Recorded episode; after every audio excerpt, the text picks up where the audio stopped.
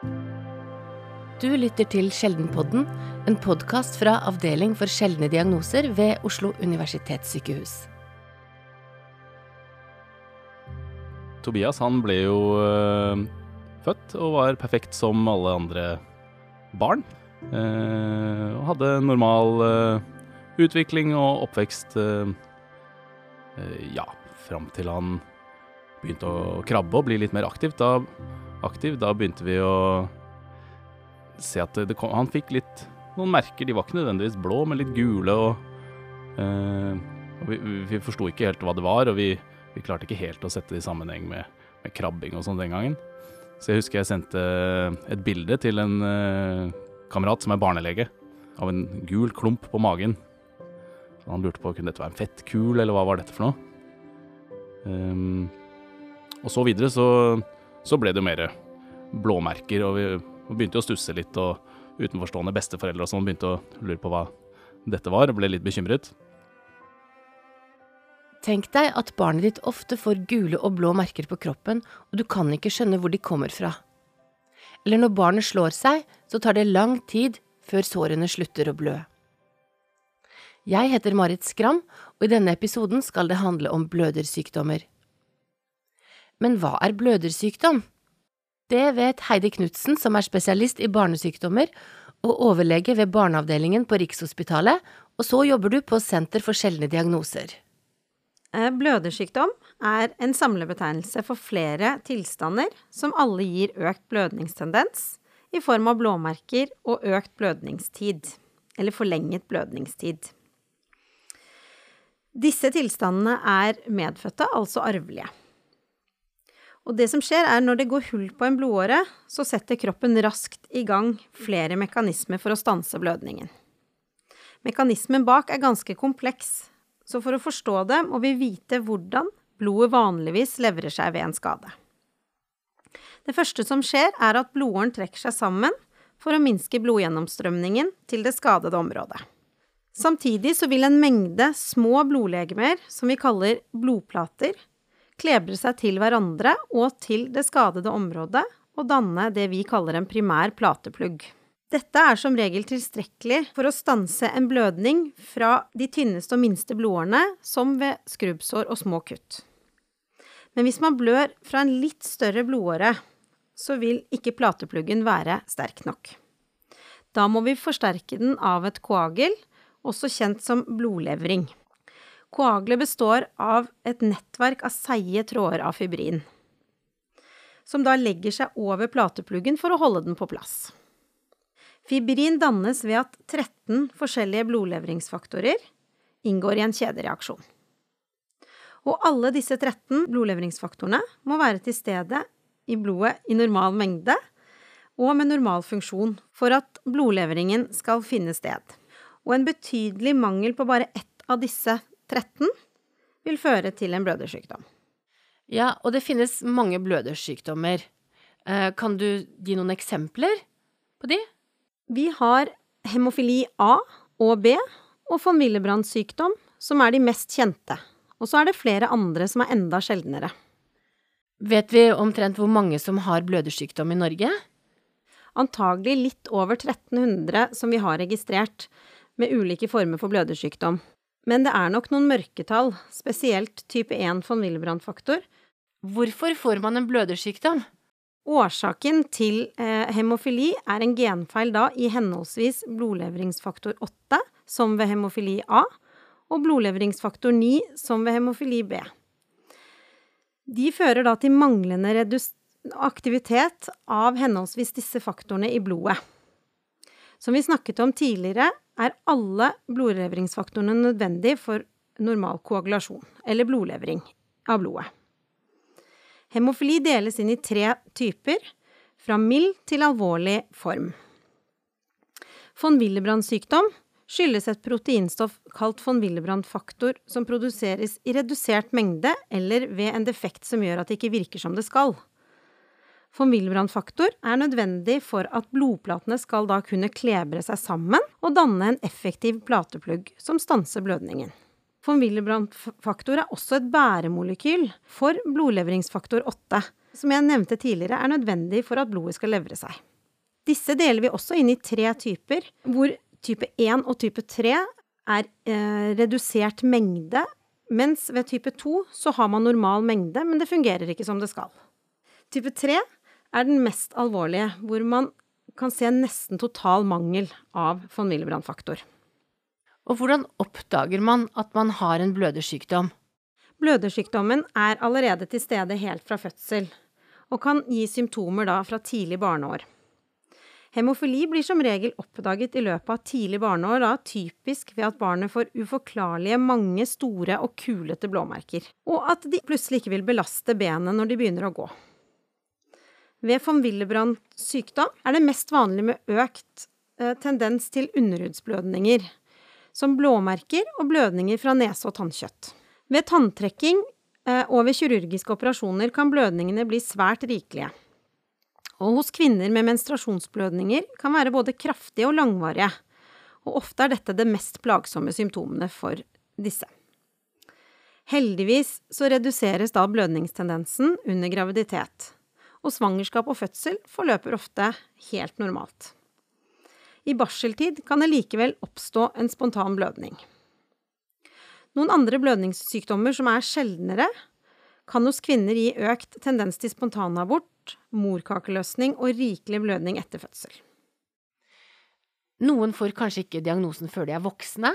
Det stemmer, og det er som regel de blødersykdommene som er mindre alvorlige. Hvordan er det med arvelighet for blødersykdommer? Både hemofili A og hemofili B er ekspunnet nedarvet. Det vil si at det er kun gutter som blir syke. Mens jenter som arver eksen fra sin mor, vil bli bærer som henne. Jeg vil også nevne at ca. 30% av de som får hemofili A eller hemofili B, er nyoppståtte mutasjoner, mens ca. 70% er det kjent i familien. Ved von Willebrands sykdom så rammes begge kjønn likt. Christian er 37 år, ingeniør og bor i Bærum, og han er også faren til Tobias. I starten av denne episoden hørte du hvordan Christian og familien hans begynte å mistenke at det var noe som ikke helt stemte med sønnen deres. Han hadde fått gule og blå merker på kroppen som de ikke klarte å forklare. Det var fordi Tobias hadde ubehandlet hemofili, for ingen visste at Tobias hadde denne sykdommen. Da Tobias var ett år, skulle han på kontroll på helsestasjonen.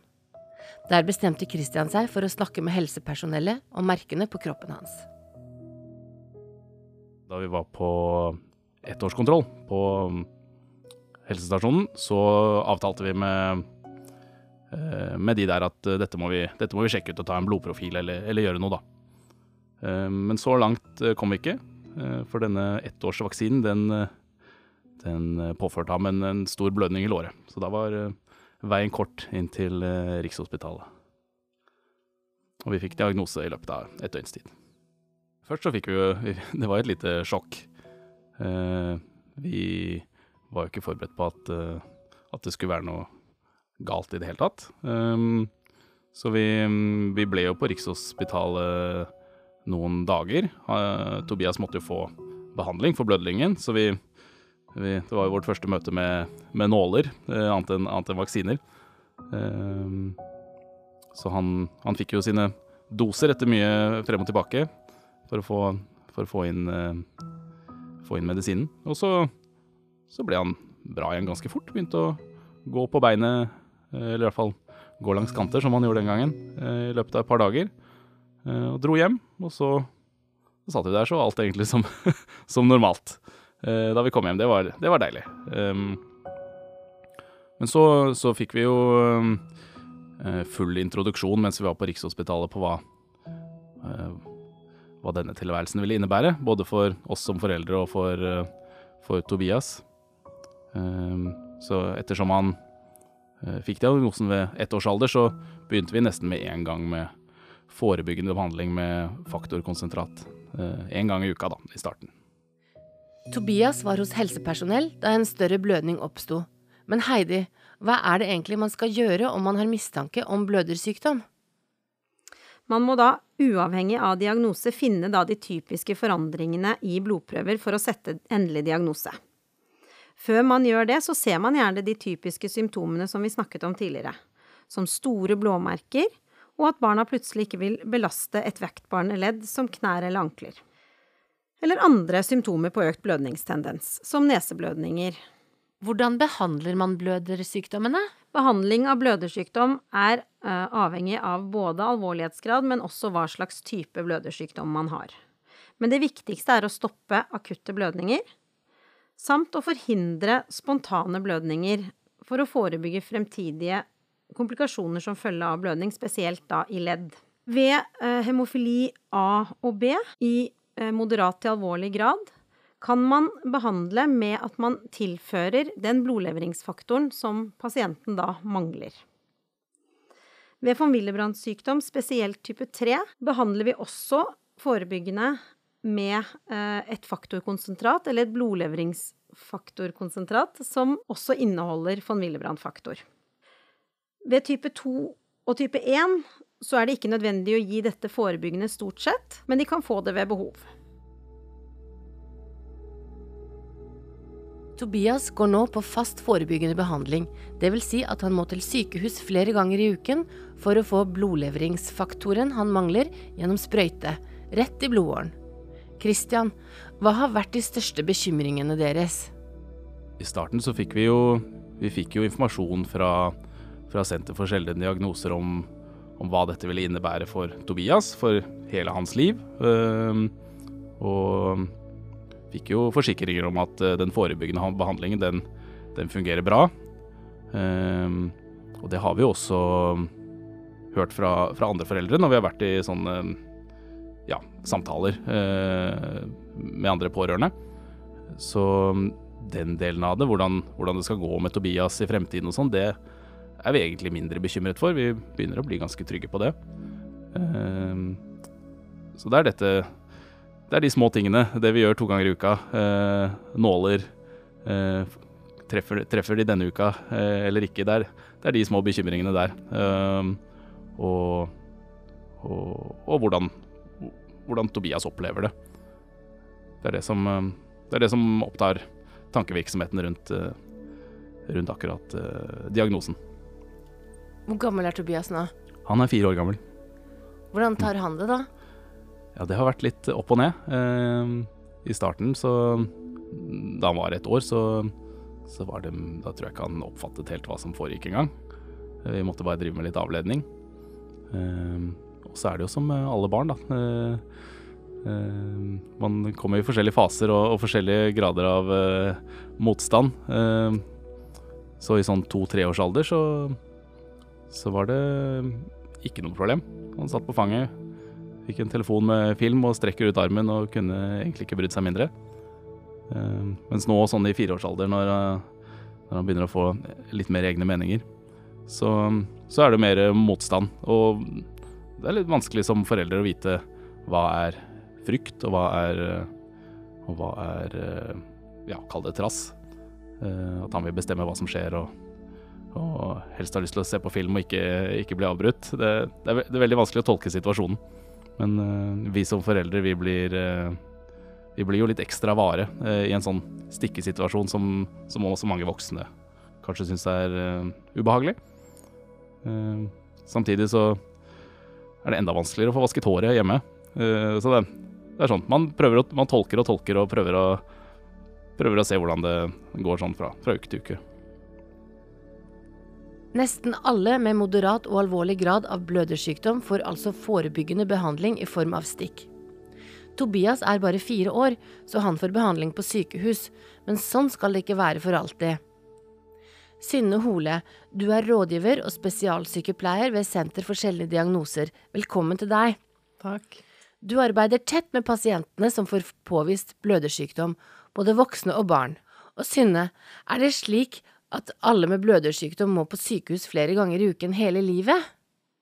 Når eh, barna er ca. fem år gamle, hvis forholdene ligger til rette for det, så får foreldrene tilbud om å lære å stikke barna selv. Og det hjemmebehandling er det beste når forholdene ligger til rette for det, men eh, det fordrer jo Altså det er naturstridig å stikke nåler i sitt eget barn eller eh, i seg selv. Sånn at det er noe som krever eh, forberedelse over tid og motivasjon. Og det krever også at eh, barna kan samarbeide, så det skal være når det er en lettelse for familiene. Når disse barna er ca. tolv år gamle, så får de tilbud om å lære å stikke seg selv.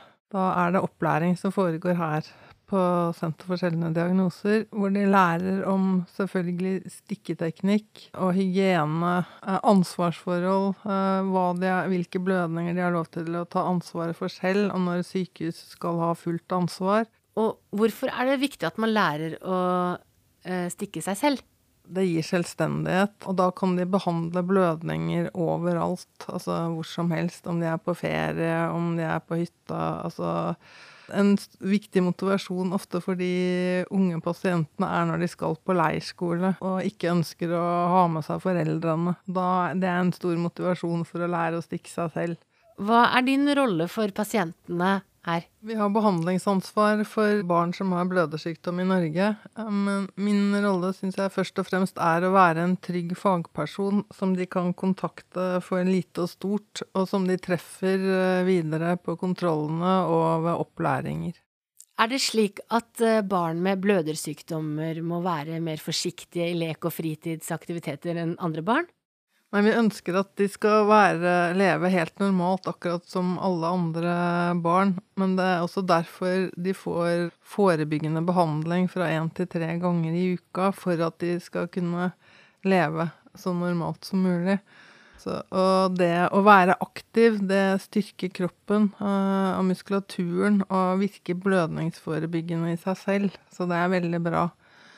Men det er sånn at hvis, det, hvis, de skulle skade seg, så trenger de behandling, da.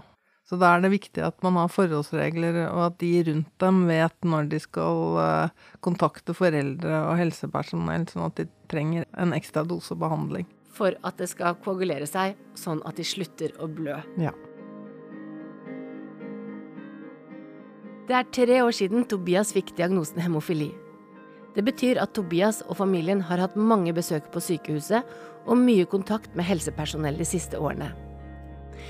Christian, om du kunne gitt noen råd til helsepersonell, hva ville det vært? Jeg må jo få lov å skryte av eh, Rikshospitalet, sykehuset der vi får forebyggende behandling. De er veldig flinke til å, å begrense antall personer som eh, håndterer Tobias. Eh, og veldig bevisst på det, og det, det ser vi at fungerer. Han blir han får noen enkeltpersoner som han er veldig trygg på. Eh, så det eh, oppfordrer alle til. Eh, så har vi noen akutte situasjoner hvor vi mm, kommer til en avdeling som er vant til å gjøre alt mulig rart.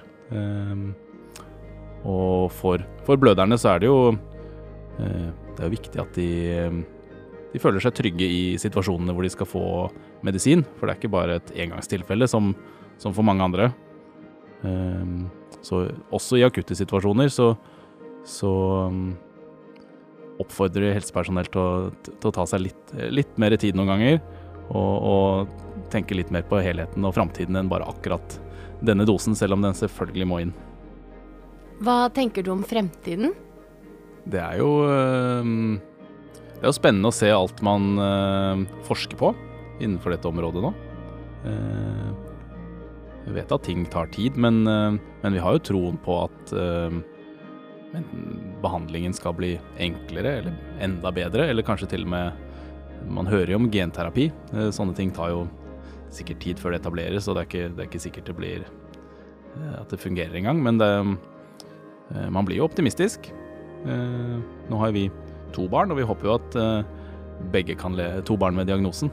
Og vi håper jo at eh, begge kan leve et, eh, et, godt og langt liv, og det, det medisinske utvikling, det er hjertelig velkommen. Heidi, hvordan er prognosen for blødere? Hvordan går det med dem?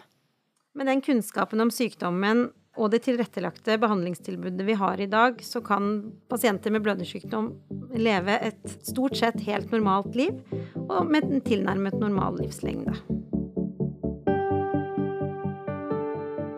Du har nå hørt på Sjeldenpodden, en podkast fra Avdeling for sjeldne diagnoser ved Oslo universitetssykehus. Tusen takk til Christian som delte familiens historie, og til Heidi Knutsen og Synne Hole for god informasjon om diagnosen. Senter for sjeldne diagnoser er kompetansesenter for blødersykdommer. Og vil du vite mer om denne sykdommen, kan du gå inn på sjeldnediagnoser.no. Er du helsepersonell og har spørsmål om blødersykdommer, da kan du ta kontakt med senteret. Takk til Ingeborg Sleire, som har stått for manus og research. Anniken Sanne er produsent for episoden. Silje Systad er også med i redaksjonen, der Nina Benan er ansvarlig redaktør. Mitt navn er Marit Skram, og til slutt vil jeg minne om at du nå også finner Sjeldenpodden på Facebook. Vi høres!